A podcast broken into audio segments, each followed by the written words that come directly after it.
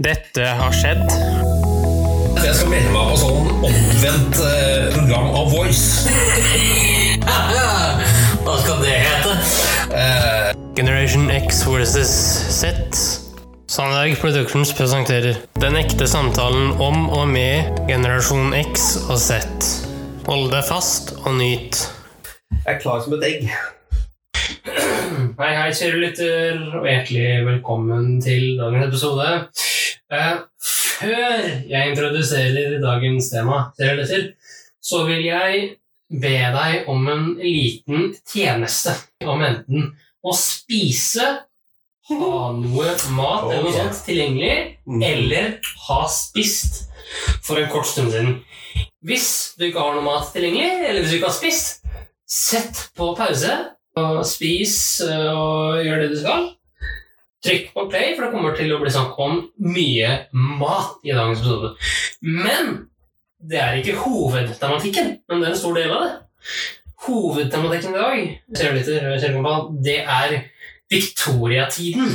Ja. Eh, vi er inne i episode tre av antidepressiva-serien. Uh, Victoria-tiden brakte med seg veldig mye positivt. Den varte fra 1837 til 1901. Jeg er veldig glad for at du sier at uh, vær litt obs på eh, at det kommer til å bli eh, de som er glad i mat. da. Jo, eh, hvorfor heter det Victoria-tiden, spør du deg sikkert nå.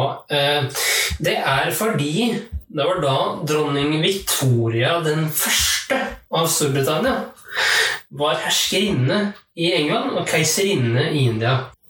Det her er litt uvant situasjon, kjære sønn. Fordi det er jeg som pleier å ta sånn faktadel, men nå er det du som klinker til. Ja, eh, og det er eh, av den enkle grunn at jeg skal Jeg skal presentere noe for dere nå, eh, både deg, kjære kompan, og kjærligheter kjære som eh, dere kommer til enten å flire godt av, eller bli veldig sultne når det får presentert. Kan du si litt mer? Eh, nei, vi har litt eh, ting av eh, obskur natur eh, som både er positivt og negativt, men for det meste positivt. Okay. Ja. Veldig mye død her. Men eh, det er ikke sagt at eh, død ikke har noe positivt her. Det er veldig mye bruk av eh, døde i form av bildetakning og sånne ting. eh, og leting etter døde lik på kirkegården, sånn at medisinstudenter Wow. kunne praktisere med det. Men for å på en måte skape en litt annen illusjon, da, så har noen mennesker på det brede nettet lagd litt, litt artig fremstilling av ting som skjedde i Victoria-tiden. Det skal vi gjennom nå. Mm, ok. A lot has changed in the decades since the rule of Queen Victoria. Sure, people are still pretty messed up in modern times too, but the things that used to go down in the late 19th century were some of the weirdest, strangest practices we've ever heard of. Here are some things about that time period death photography. The Victorians were kinda, sorta obsessed with death. And it makes sense when you consider the smorgasbord of diseases that stalked Victorians measles, scarlet fever, diphtheria, rubella, typhus, cholera, you name it. It was sort of a gauntlet of death that children and adults alike ran through every day. Those very real threats and sense of loss led people to keeping trinkets of their dead, like locks of hair and photos of their lifeless bodies. At the time, photographs were still new and barely affordable, so oftentimes, families waited until a loved one had passed before ever taking a snapshot of them. To do so, the bodies were kept at home during the mourning period and staged with children or siblings to pretend as if they were alive during the shot. Some photos even showed faces with open eyes to really capture the creepy essence of it all. Gravedigger. Gross anatomy is an important course for medical students. It gives them practice slicing and dicing on a human cadaver before they start turning their scalpels towards the living. And in the Victorian era, it was common for students to learn by dissecting those who'd been sentenced to death for a crime. But once Britain passed a law that made fewer offenses punishable by death in 1823, those students had to look elsewhere for training time. Instead of lingering around the executioner's chamber, body merchants started hitting the cemeteries to dig the dead out of their graves to sell them to med students. And they fetched a pretty penny for them, too. The fresher the body, the more in demand it was. So when cemeteries started installing watchtowers and guards, body snatchers had to get creative. Sometimes that meant turning those shovels into murder weapons and skipping the graveyard altogether. Whether the students buying these bodies were aware or not, that certainly seems to run afoul of the Hippocratic Oath. But that's not even the craziest thing they did with dead bodies in that era. Corpse medicine. If pharmaceuticals and aggressive treatment plans freak you out now, just imagine what it was like to have your doctor prescribe you a dose of human skull back in the day. Corpse medicine was a very real thing, and it's pretty much exactly like it sounds. This practice was at its height in the 16th and 17th centuries, but still lingered well into the Victorian era as well. Medical texts specified what body parts were good for what ailments, and there were recipe books that detailed how to prepare the pieces to peak deliciousness too. For example, skull shards were commonly served with chocolate as a cure for apoplexy. Executioners were often linked to corpse medicine, so it wasn't uncommon for them to do double duty as a bringer of death and healer of the poor, selling pints of warm blood from the recently dead for people to drink. Bad medicine. There was no shortage of reasons a woman could find herself committed to an insane asylum in the Victorian era, and once she was there, doctors had some unorthodox methods of administering their cures. One way was just to remove all of a woman's reproductive organs in the hopes that it would dial down the perceived craziness. Dr. R. Maurice Bucke, for example, was the superintendent at the London Asylum for the Insane for several decades and performed hundreds of surgeries on his patients, from hysterectomies to uterine adjustments. In 1898, he gave a speech to the American Medico Psychological Association detailing some of his cases, like a woman identified as LM. He said she had violent tendencies and seizures and was diagnosed with intense irritation of both ovaries. After they were removed, he claimed she was quite well.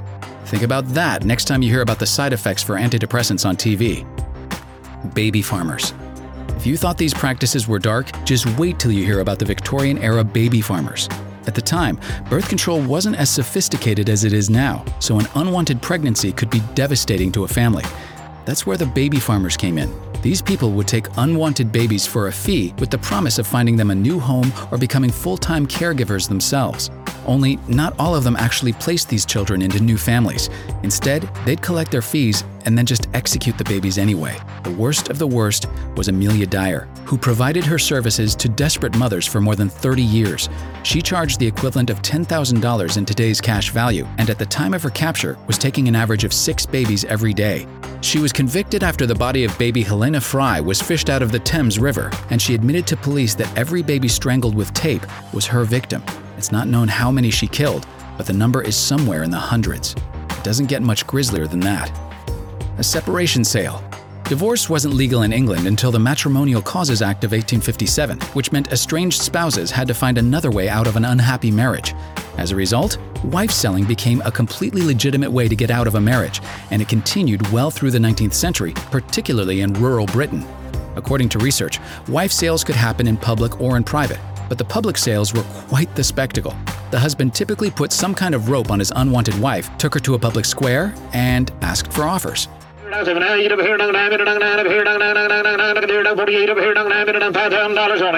So it was kind of like eBay, but with your wife instead of an old smartphone. Ja, kjære. Det var en, eh, en god beskrivelse. Jeg er litt glad, selv om du vinkler det positivt, og det er flott, Henrik. Jeg er litt glad for at det er 2020. Ja, at vi lever i en tid hvor ting er i stadig utvikling. Ja. Men um, en liten fun fact, uh, Kjellkoman. Mhm. Hva tror du dronning Victoria den første blir kalt i dag? Oi. Hva Victoria den første blir kalt i dag? Ja. I, i England, eller? Nei. I Europa? Ja. Det var en veldig spesiell periode, spesiell tid, både politisk, sosialt, økonomisk, industrielt.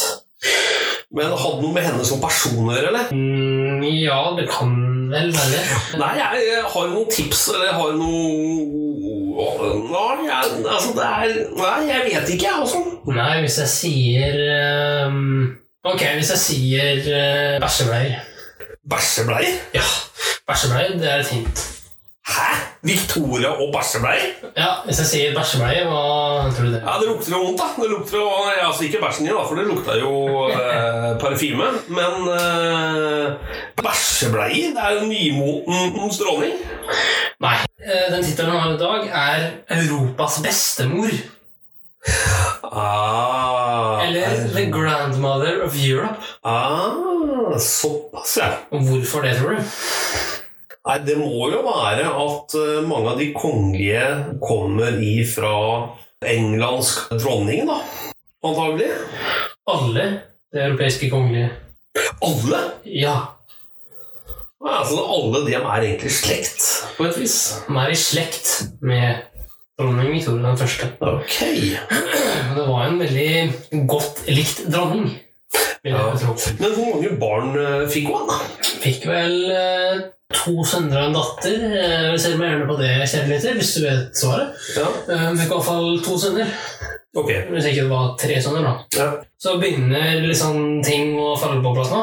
Nå begynner ting å falle litt mer på plass, i hvert fall. For eh, det som er litt av hypotesen, det er at eh, hun var jo da en direkte formoder til eh, dagens monarker. Men Henrik, kan det også være at hun regjerte over en veldig lang periode, og var eh, Altså, England på den tiden var jo eh, verdensmakt nummer én. Ja, altså det var jo Det var jo det britiske imperiet, het det da. Ja. Eh, og det var besto av veldig mange land og veldig mange territorier. Ja. Så det kan hende, det, altså. Men du, eh, jeg avbryter, men du hadde noe mer mat, eller? Ja da. Nå har vi en eh, fremgangsmåte på det å lage smør under viktoriatiden. Ok, er det noe Ok. Men det har et veldig spesielt verktøy som man da blander eh, ting. Man sikkert kommer nærmere inn på her, da. Okay. Du begynner med smør, og så går du oppover eh, matkjeden eh, av goody-goodies. Ja, og smør er bare basis. Det er basis på goody-gooden. Det er mye bakst. Åh, sånn er det. Så skal vi kjøre, der. Vi kjører på. The first thing we must do is scald all of our equipment. So, all of the utensils we are going to use. You're lucky because I have done the churn for you. All right? So,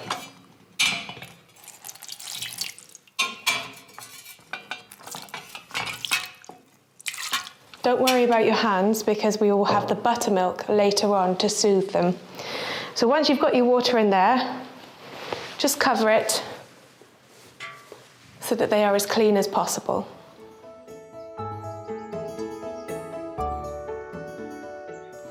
I used to work on a farm of 500 acres and I used to have to milk the cows myself.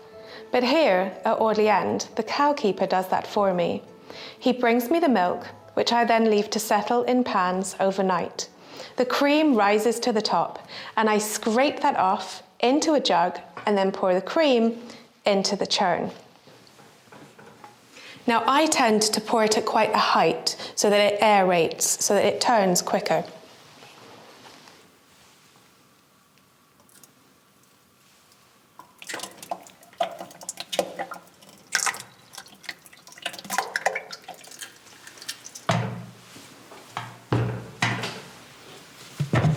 And now we're ready to begin churning.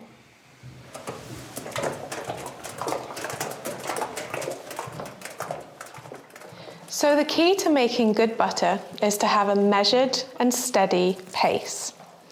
We are very lucky here at Audley End House because our cows are a Jersey herd and they produce the best, the finest milk. So, the butter churning process can take anything up to 30 minutes to an hour and it is dependent on the weather, amongst other things. You will feel resistance when stage one happens, which is the whipped cream stage. And I'm starting to feel that now. So, and yes, here we have stage one, whipped cream. So I think we have probably another 30 to 35 minutes to go. The second phase you need to look out for when you are making butter is when it begins to turn. So you will feel a difference and you will hear a difference. And when you go to look inside, you will see that the butter is now slightly powdery, so it is beginning to separate. It looks, forgive me, a little bit like baby sig. And it is quite pungent to smell. Now, you might be here for up to an hour, but I'll be honest with you, there are many things that can affect the butter. For example, stormy weather, or just your own mood, some people say. Sometimes in the winter we have to colour the butter. We tend to use marigolds because, quite frankly, using carrot juice makes the butter taste well, like carrots. The third phase you need to look out for is when the buttermilk and butter separate. Now, you will hear this inside the churn and you will feel it. And I think we're ready. Let's have a look.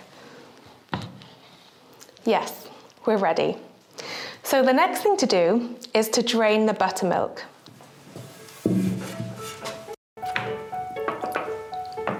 Then I will remove the paddle and then scoop out all of the butter. It is then washed in spring water and then drained.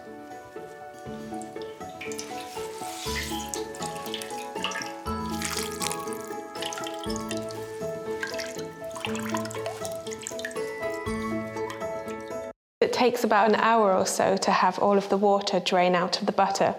And it's important that we do wash it because we don't want it to go rancid.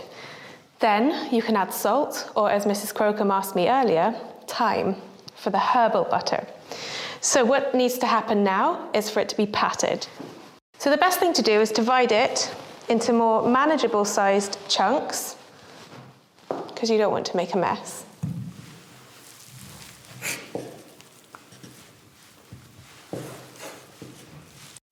And then just patting it to get rid of any excess liquid.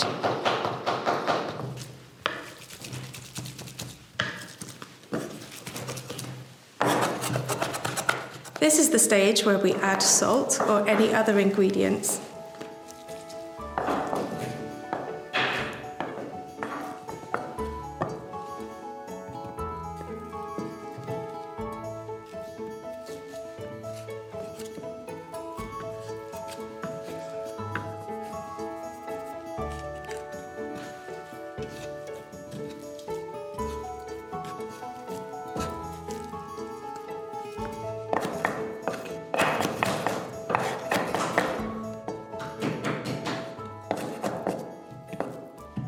The normal butter that I make every single day here at Audley End House, just salted butter, the butter made with thyme.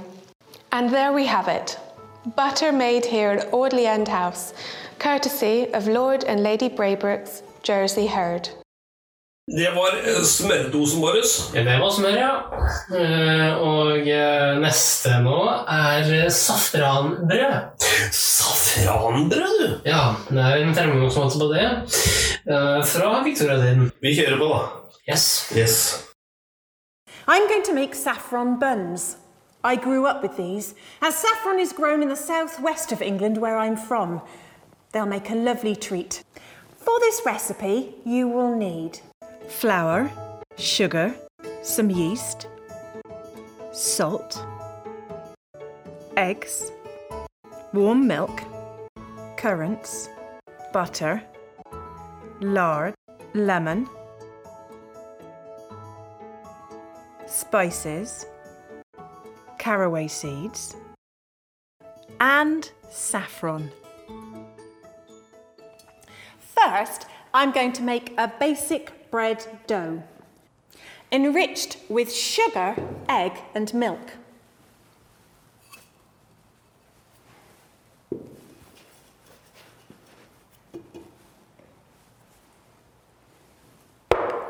It's very important to mix your dough well.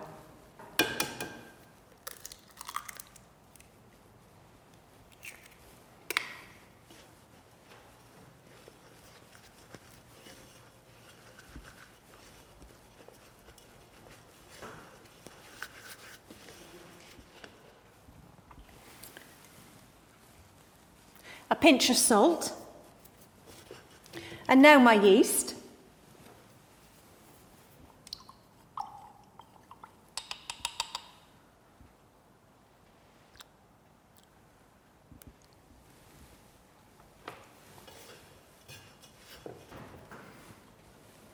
And then gradually add the milk.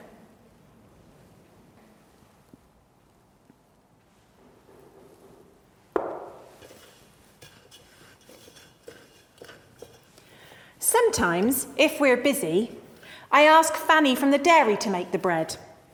Bread making is often part of the dairy maid's job. And we're lucky, for Fanny's father was a baker. I encourage the girls to knead the dough for about 20 minutes. As they get more experience, they'll be able to feel when it's ready.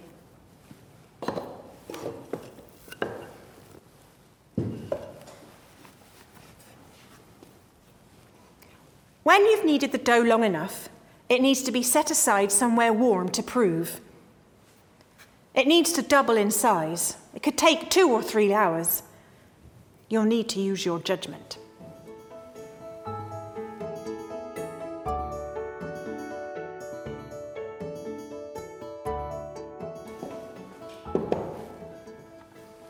Now that the dough has risen, it's time to add the other ingredients.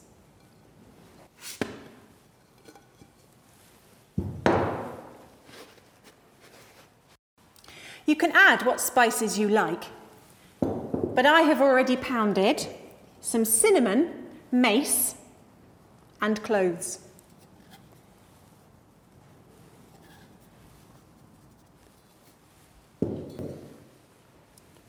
Some lemon zest.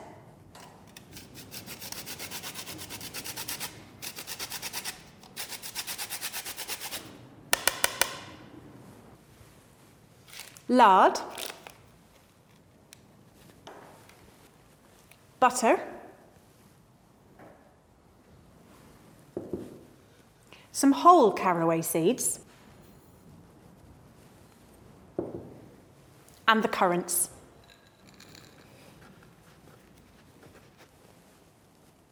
I'm now going to add my saffron, which I've crushed a little and soaked it in warm milk for two hours, just to get most of the colour out. Saffron is expensive. I am told in weight is more expensive than gold. It is grown in Devon and Cornwall, but in the olden days it was grown here in Walden. That is why it's often known as saffron Walden. Saffron is useful. It adds colour, a beautiful gold, and a very, very distinctive taste.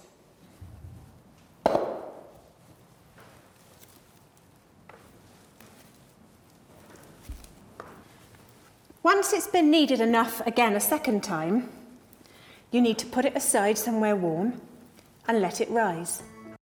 I've already greased my baking tray with butter and now I'm going to shape the buns. These are very popular at breakfast time, but they'd need to be a little larger than this.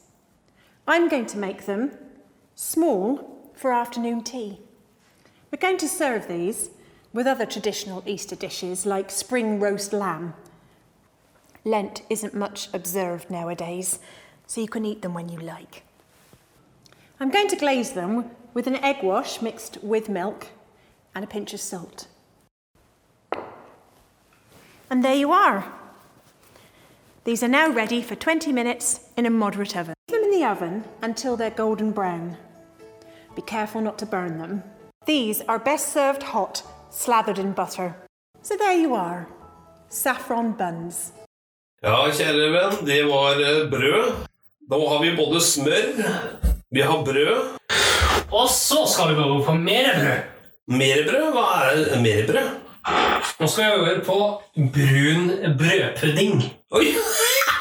Ok! Fra Victoria-tiden. Ja, Når man hører på, så, så, kan man jo begynne å vurdere og begynne å lage det igjen, da. Ikke sant?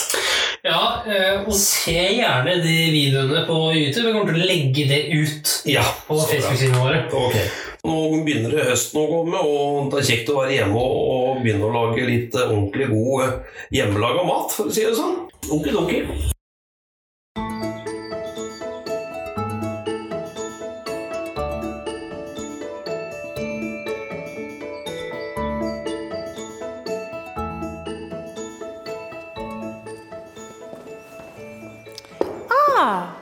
Today we're making brown bread crumb pudding for a luncheon sweet dish. It is also good for the upper servants or a middle class family. For this recipe, you will need brown bread crumbs,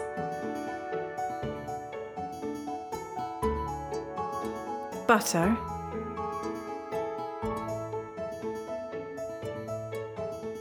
candied peel,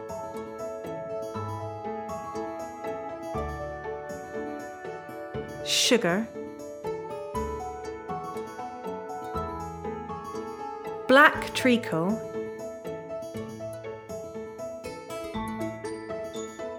eggs, wine, and to serve, wine sauce. This is a really good recipe because it uses up stale bread. You make it into breadcrumbs. It doesn't matter whether they're fresh or dry, but if they're too dry, they will need more moisture. I'm now going to add my ingredients.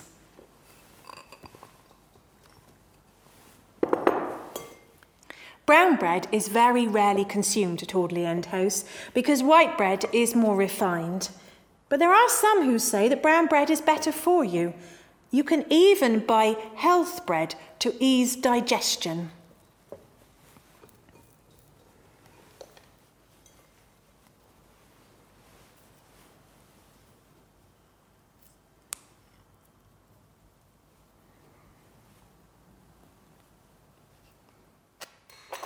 Sugar to taste.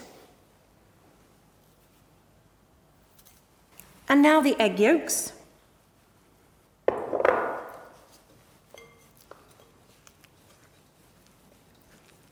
Once the butter is well blended into the mix, it's time to whisk the egg whites.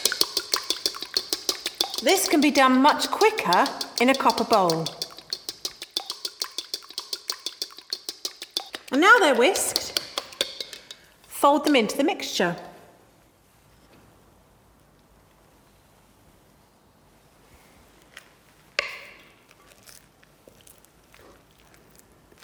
This recipe is from America, and I believe they use molasses instead of the treacle. It also calls for either brandy or wine. I think I'll use wine.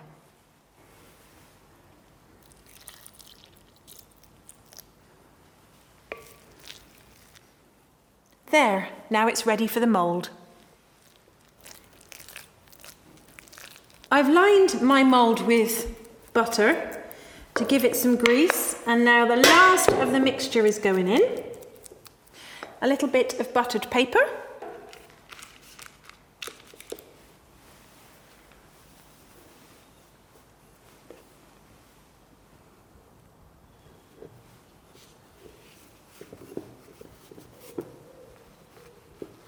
And there we are.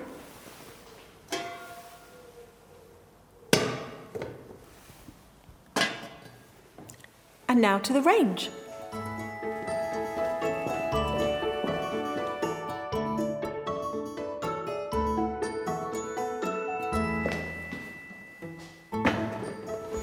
Once it's been steaming for about an hour, you can take it out.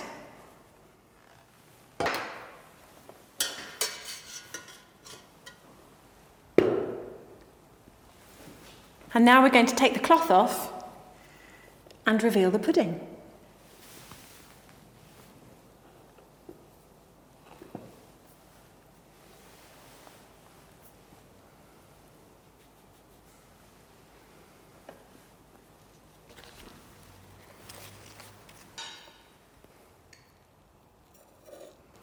And I'm going to turn it out and present it on this plate.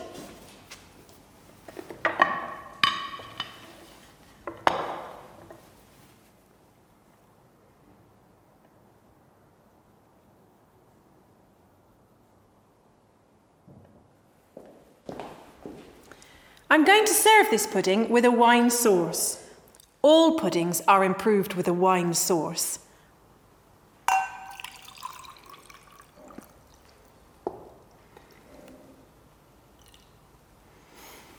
And I've decorated it with cherries soaked in brandy and angelica.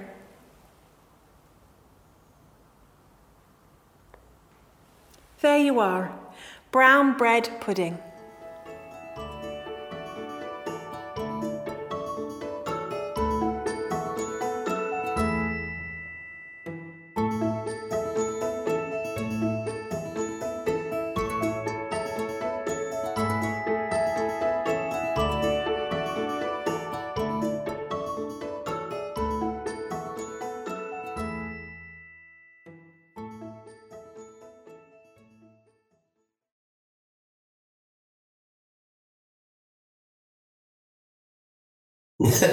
ja. Nå er jeg spent, Henrik. Men hva vet du mer om viktoriatiden generelt? Nei, altså generelt så er det at eh, kloakksystemene og rørelsene i London mm. ikke har blitt bytta ut siden den gang. Altså nå sitter vi altså i 2020, og vann- og kloakkløpet i London har også rør som er over 100 år gamle. Som blir bygget og lagt under viktoriatiden. Riktig. Som man bruker også i dag. Riktig. Ja. Jeg vet også at eh, klesmoten Mm. Den var jo veldig mye finere før. Eh, Men jeg, da. Ikke klesmoten, men klesstilen var veldig mye lag. Lag på lag på lag på lag med klær. Riktig. Så hvis du vil se menneskelig løk, så vil jeg råde dere til å søke på 'Getting Dress in the Victoria Era'. Det er liksom ikke bare å slenge på seg en genser. da. Nei, nei, nei. nei eh, og det var jo mest fordi på den tiden så var det sett på som veldig upassende å vise kropp. Ja. Så for å unngå da å vise kroppen, så gjorde man det selv på sommeren. På sommeren gikk man gjerne med to-tre lag, eh, mens på vinteren så gikk man gjerne med fire-fem. Tenk deg det, Henrik, hvor utviklingen har vært. Ja, nok om det. Ja, Vi har mer vaks, vet du. ja, nå er jeg spent. Hva, har, hva velger du nå? Nå skal vi over til jul. Jul, ja. Jul og julekaker. Ah, gammel engelsk julekake. Riktig. Kjør på, kjæresten. Den er grei. Today, we're making Lord and Lady Braybrooke's Christmas cake. I'm using one of my favourite plum cake recipes. It's got a lot of dried cherries in it. For this recipe, you will need flour, butter, fine sugar, dried cherries chopped, currants, candied peel, ground almonds, zest of oranges, eggs, spices, and brandy. Now that I've softened the butter, I'm going to add the flour, the sugar, and the eggs gradually. Sugar, please.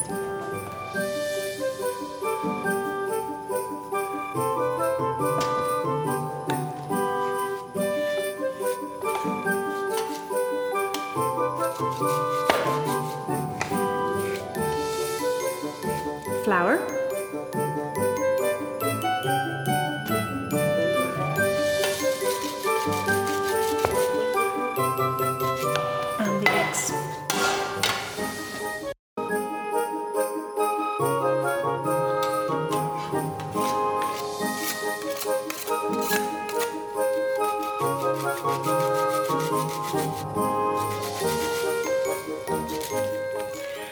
That's really well blended together, it's time to add the dried fruit.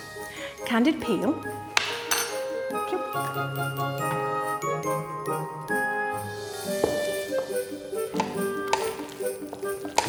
The currants.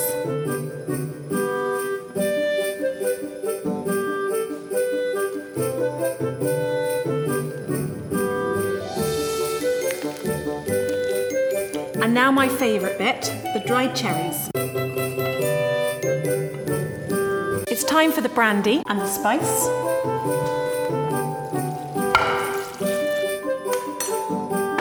And the zest of oranges.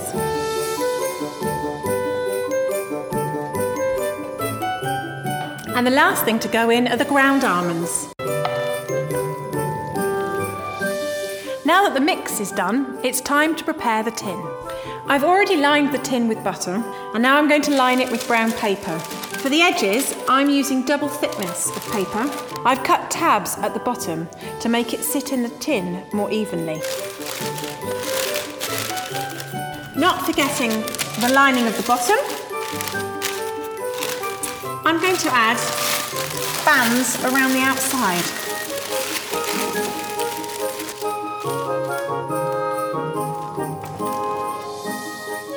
Now it's ready for the mix.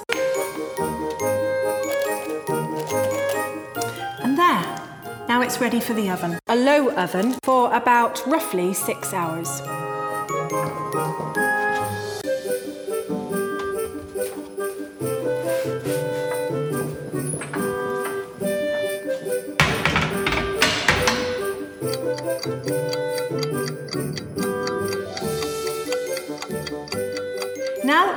Out of the oven and thoroughly cool. I've made a band of marzipan, put it around the top of the cake and turned it upside down. This gives a nice flat surface to start your decoration. I've made my marzipan with twice the amount of icing sugar as ground almonds and then added egg whites until the mixture is a dough-like texture. I've rolled it out fairly thin and I'm actually going to put the marzipan on in two stages. This one is for the top.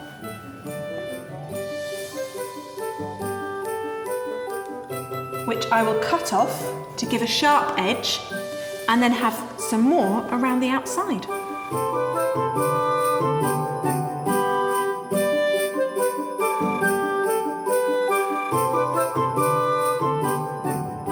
I added a band of marzipan around the outside, let it dry, and then added a layer of royal icing.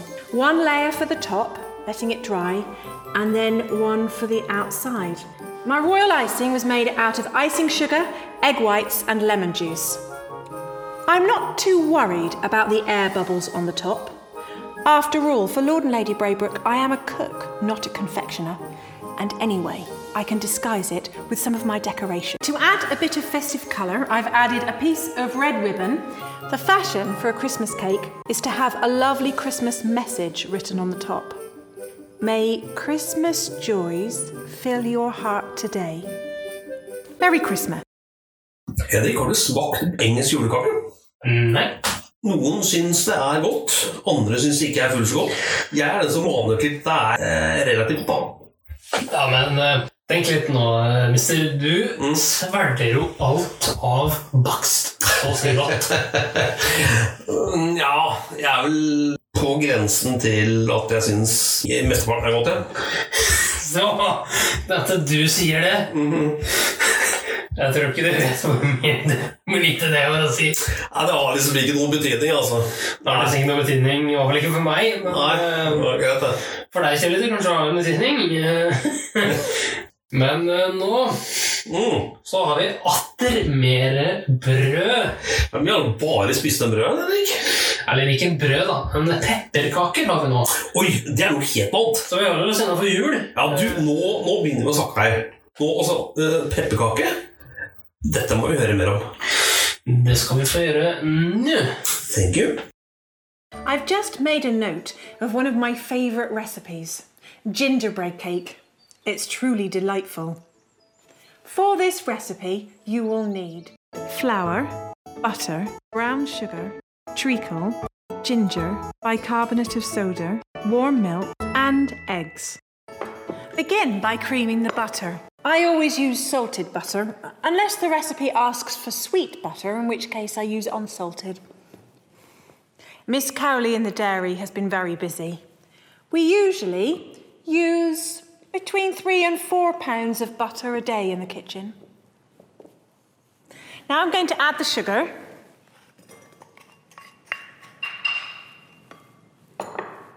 The eggs, which I'm going to give a little whisk before I add.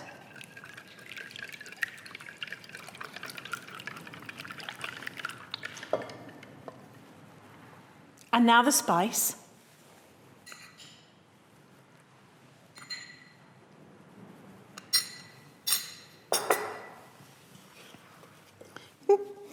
So we've had eggs from home, sugar from the West Indies, and spice from the East Indies. What an international cake.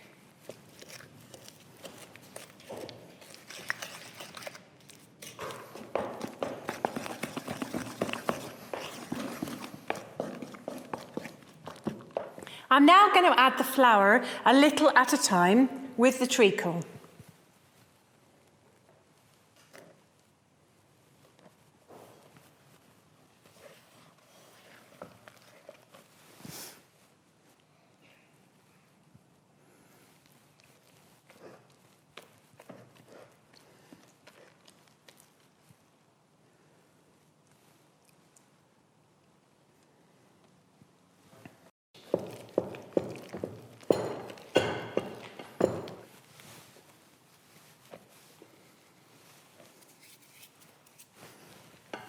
This is quite a cheap cake to make now that they've reduced the taxes on sugar a few years ago.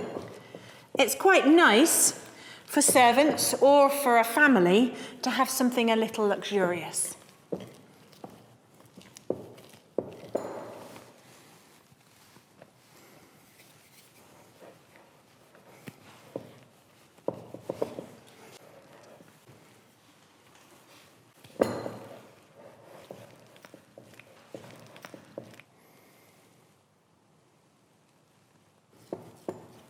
And just to get the last bit of treacle out, I'm going to use a little warm water just in the bowl to make sure we get the best of the treacle. And finally, to a little warm milk, a good pinch of bicarbonate of soda, right into the middle. And now mix it all in.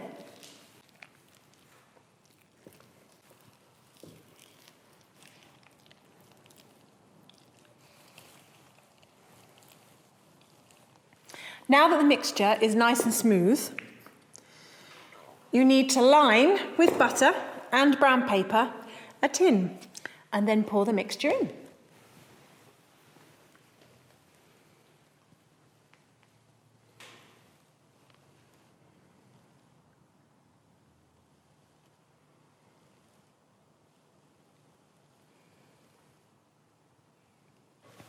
And now to take it to the oven. Now that the cake has been in the oven for about an hour, I'm going to take it out and let it stand to cool. This cake is really well loved by the servants. And I'm going to serve this to the top servants' table, the one that myself and Mrs. Warwick sit on. In which case, once it's cool, I'm going to cut it up for display. There you are, gingerbread cake. Jeg er glad jeg spiste litt eh, før vi hadde den poden her, Henrik. Ja, det tror jeg du kan være. Det er jeg også. Ja, Apropos, mm. vi har mer mat. Okay. Vi skal nå bevege oss fra bakstens verden til det varme. Hva har du å tilby da? Da har jeg først mac and cheese. Mac and cheese? Ja, Vi snakker Vi- Victoria-tiden, eller? riktig. Ja vel. Skal vi bare kjøre den nå? Den er grei.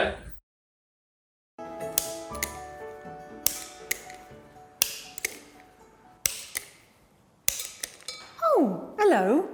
Today I'm making macaroni cheese, a firm favourite in the servants' hall.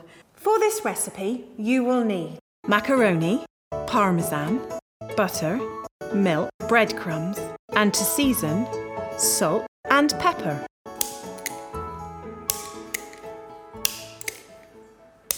Macaroni is the general word for many types of pasta, but for this, small tubes are best, slightly broken up.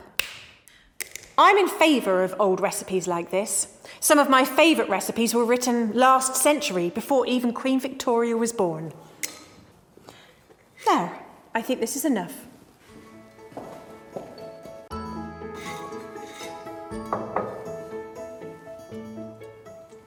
Now the milk and water is boiling, and I added a pinch of salt, I'll add my macaroni.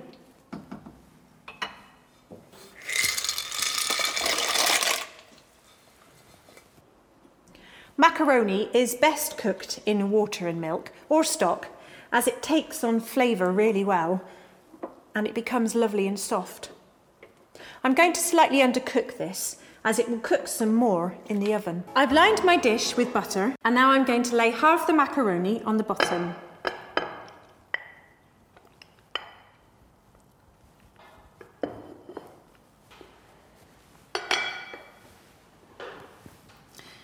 I'm going to dot about a third of butter over this macaroni, spreading it out evenly.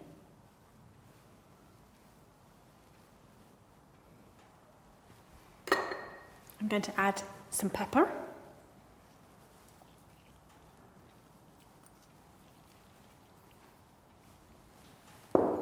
and sprinkle over half of the cheese.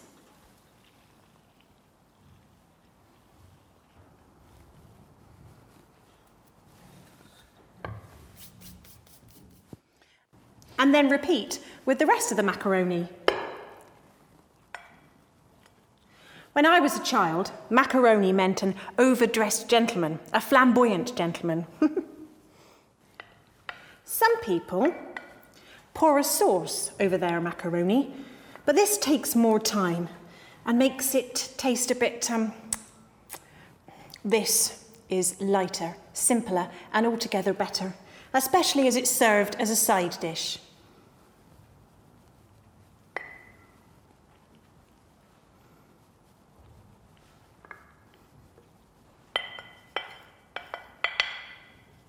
For the final layer, I'm going to mix the cheese with some breadcrumbs and then sprinkle it over the top.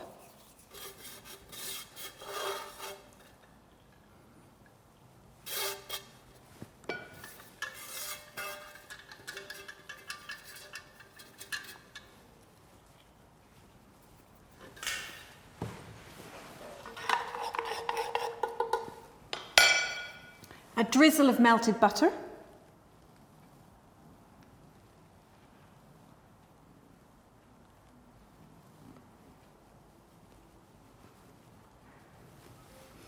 And now this needs about 15 minutes in a hot oven, finishing with a salamander to broil it. It needs a nice golden brown, crisp top. This is a very good dish, served with boiled meat, cold meat, or the remains of yesterday's vegetables. Although Mrs. Warwick, the housekeeper, prefers hers served with sausages, and I have to say, I'm inclined to agree.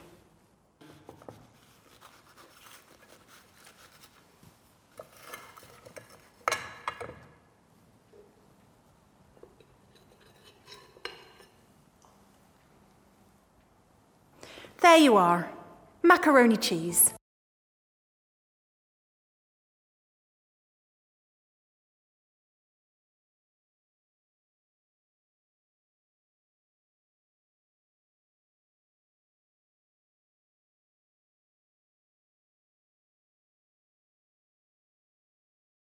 Ja da!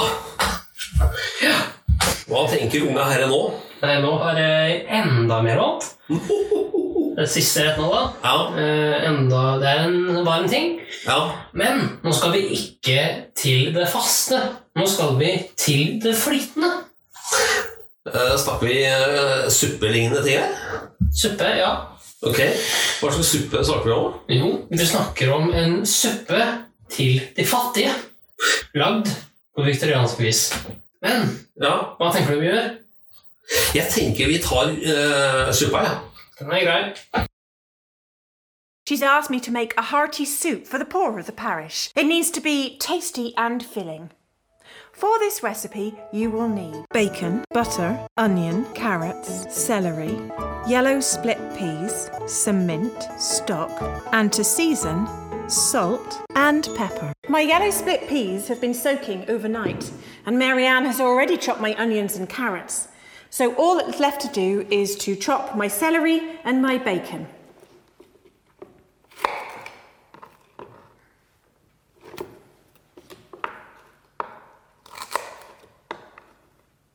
Any uneaten food, if there is any, is given to feed the poor as alms at the gate. But when it is particularly cold, like now, then we ought to do a little more. And this soup will help with that.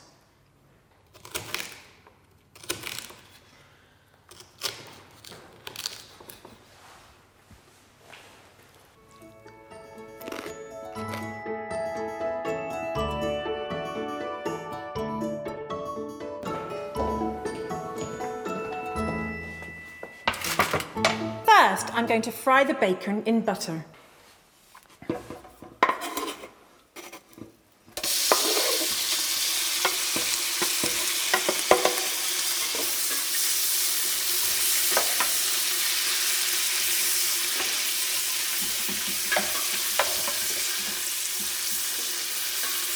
And then I'm going to add my vegetables.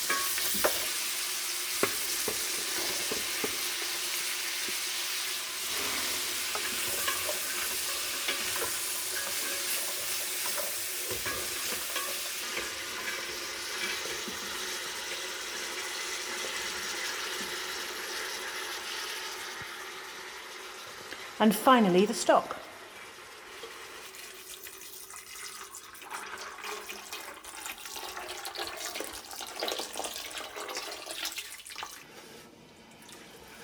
This recipe is from Alexis Soyer. He's one of my heroes. He had experience establishing recipes for the poor and for the soldiers in the Crimea. He built soup kitchens in Ireland during the Great Potato Famine. This soup needs just under an hour simmering to allow the peas to split.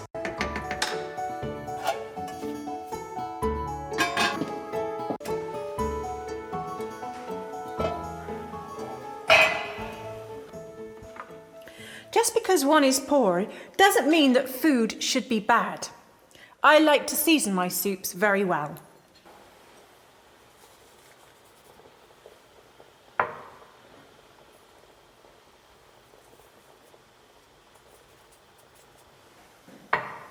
And I'm going to add a little mint to lift the flavour.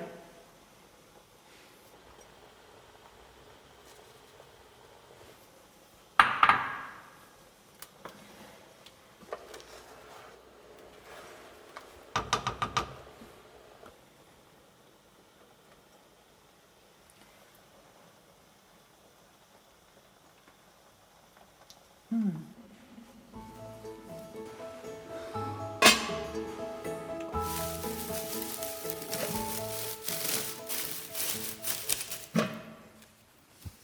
There we are. Soup for the poor. We must always remember that there are no guarantees in life. I have my savings, but I too one day will grow old and will be grateful for soup like that. Ja, nå er det blitt mye mat, Henrik. Ja da. Men Ja. nå skal vi over til noe annet. Og hva å by på nå, da? Jeg får du vente og høre.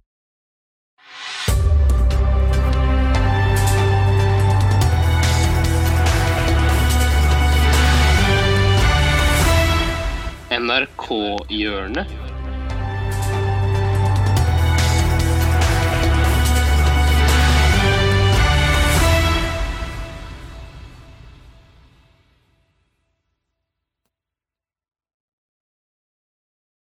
Ja.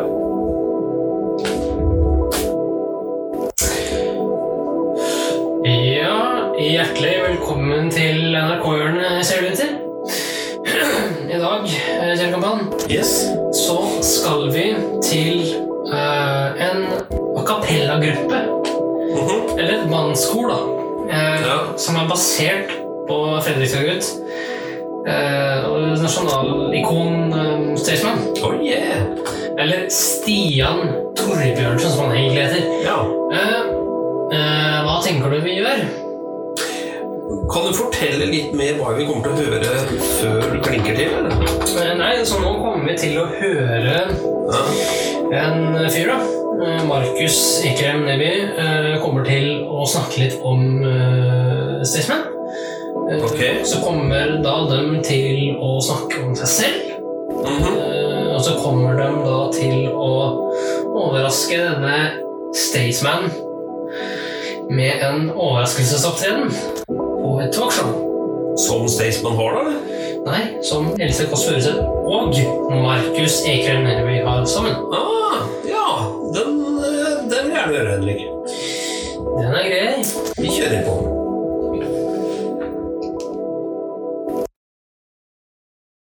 Det Staysman ikke vet, er at han er ikke den eh, eneste Staysmanen som finnes. Det finnes flere Staysmans. Så i dag skal vi overraske Staysman med a cappella-gruppen The Staysman.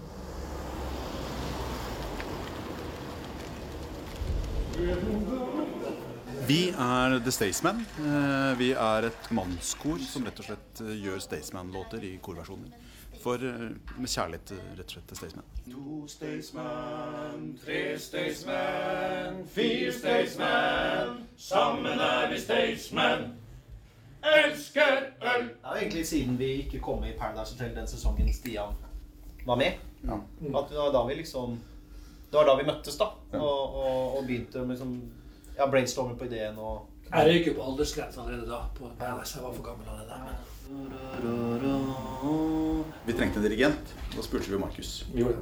Eller om han spurte oss, det husker jeg ikke. Jeg skjønte med en gang at han var skikkelig profesjonell, og han, da tenkte jeg dette Det var. Han kan vi bruke. Skikkelig trøkk på første time. Bare. Takk, takk, takk for oss. Det var veldig bra å jobbe med The Staysman. Det som er greia er at Jeg er jo booka primært for å være skalla og ligne på Staysman. Det virker som de tar på en måte det å være en Staysman på alvor, og det setter jeg pris på. For å bli med i Staysman så har vi en opptaksuke. Det er Staysman-uka, eller Staysman-helvetesuka. Da er det rølp på det heftigste plan. Ja, vi, vi kjører på med 24-7 med vekselvis øl og pizza og diverse For meg så var det det jævligste, liksom all øldrikkinga. Jeg liker jo i utgangspunktet ikke øl. Liksom. Du klarte ti halvlitere, da. Og det er kravet, da. Ja. Sammen er vi Staysman. Elsker øl! Ja, det er spesielt. Det er liksom alltid spesielt med å øve inn et nytt nummer bare for akkurat den her anledningen. Liksom. Så, men det er det når vi liksom plutselig skal gjøre det med Julie Bergan, liksom, så blir det plutselig alt helt annerledes.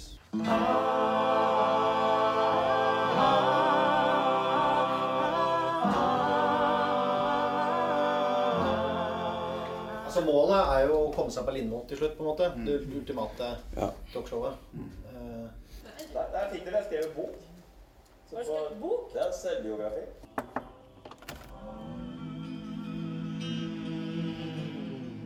Da er vi klare. Da må vi opp. Ja.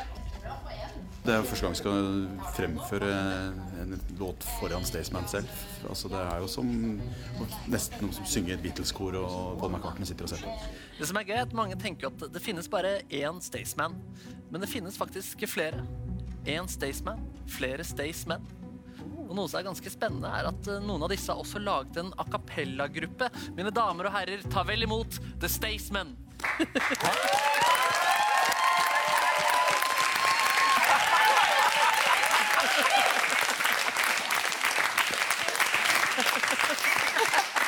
ja.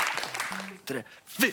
Dette er Øyvind. Og jeg synger Dette er Niklas. Og jeg synger dypest. Dette er André. Og jeg synger best. Oh, oh, oh. Dette er Jonas. Ja, jeg er faktisk med for det jeg ligner mest. Elsker øl.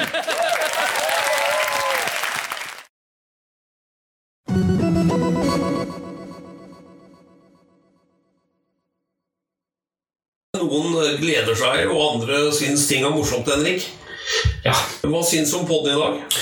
Nei, den var fin, den. Eh, Veldig lang, selvfølgelig. da. Mye mat? Ja da, mye mat, eh, selvfølgelig. Men eh, det var vel det meste av det morsomste og det mest positive jeg kunne finne når jeg gjorde research til denne her. ok. Eh, Det var en eh, artig eh, beskrivelse du hadde der, Henrik. Du, du vinkler det inn på eh, mer føde. Ja da, men eh, mat er noe som eh, universelt likt, kan man vel si. Men jeg syns det var bra, Henrik. Ja. ja. Jeg vil takke nok en gang. jeg. Ja, bare hyggelig, det.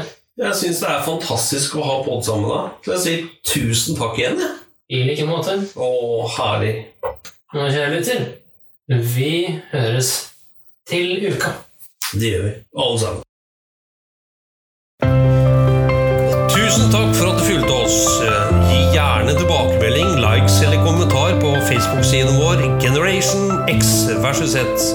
Velkommen igjen til neste podkastepisode. Hei då!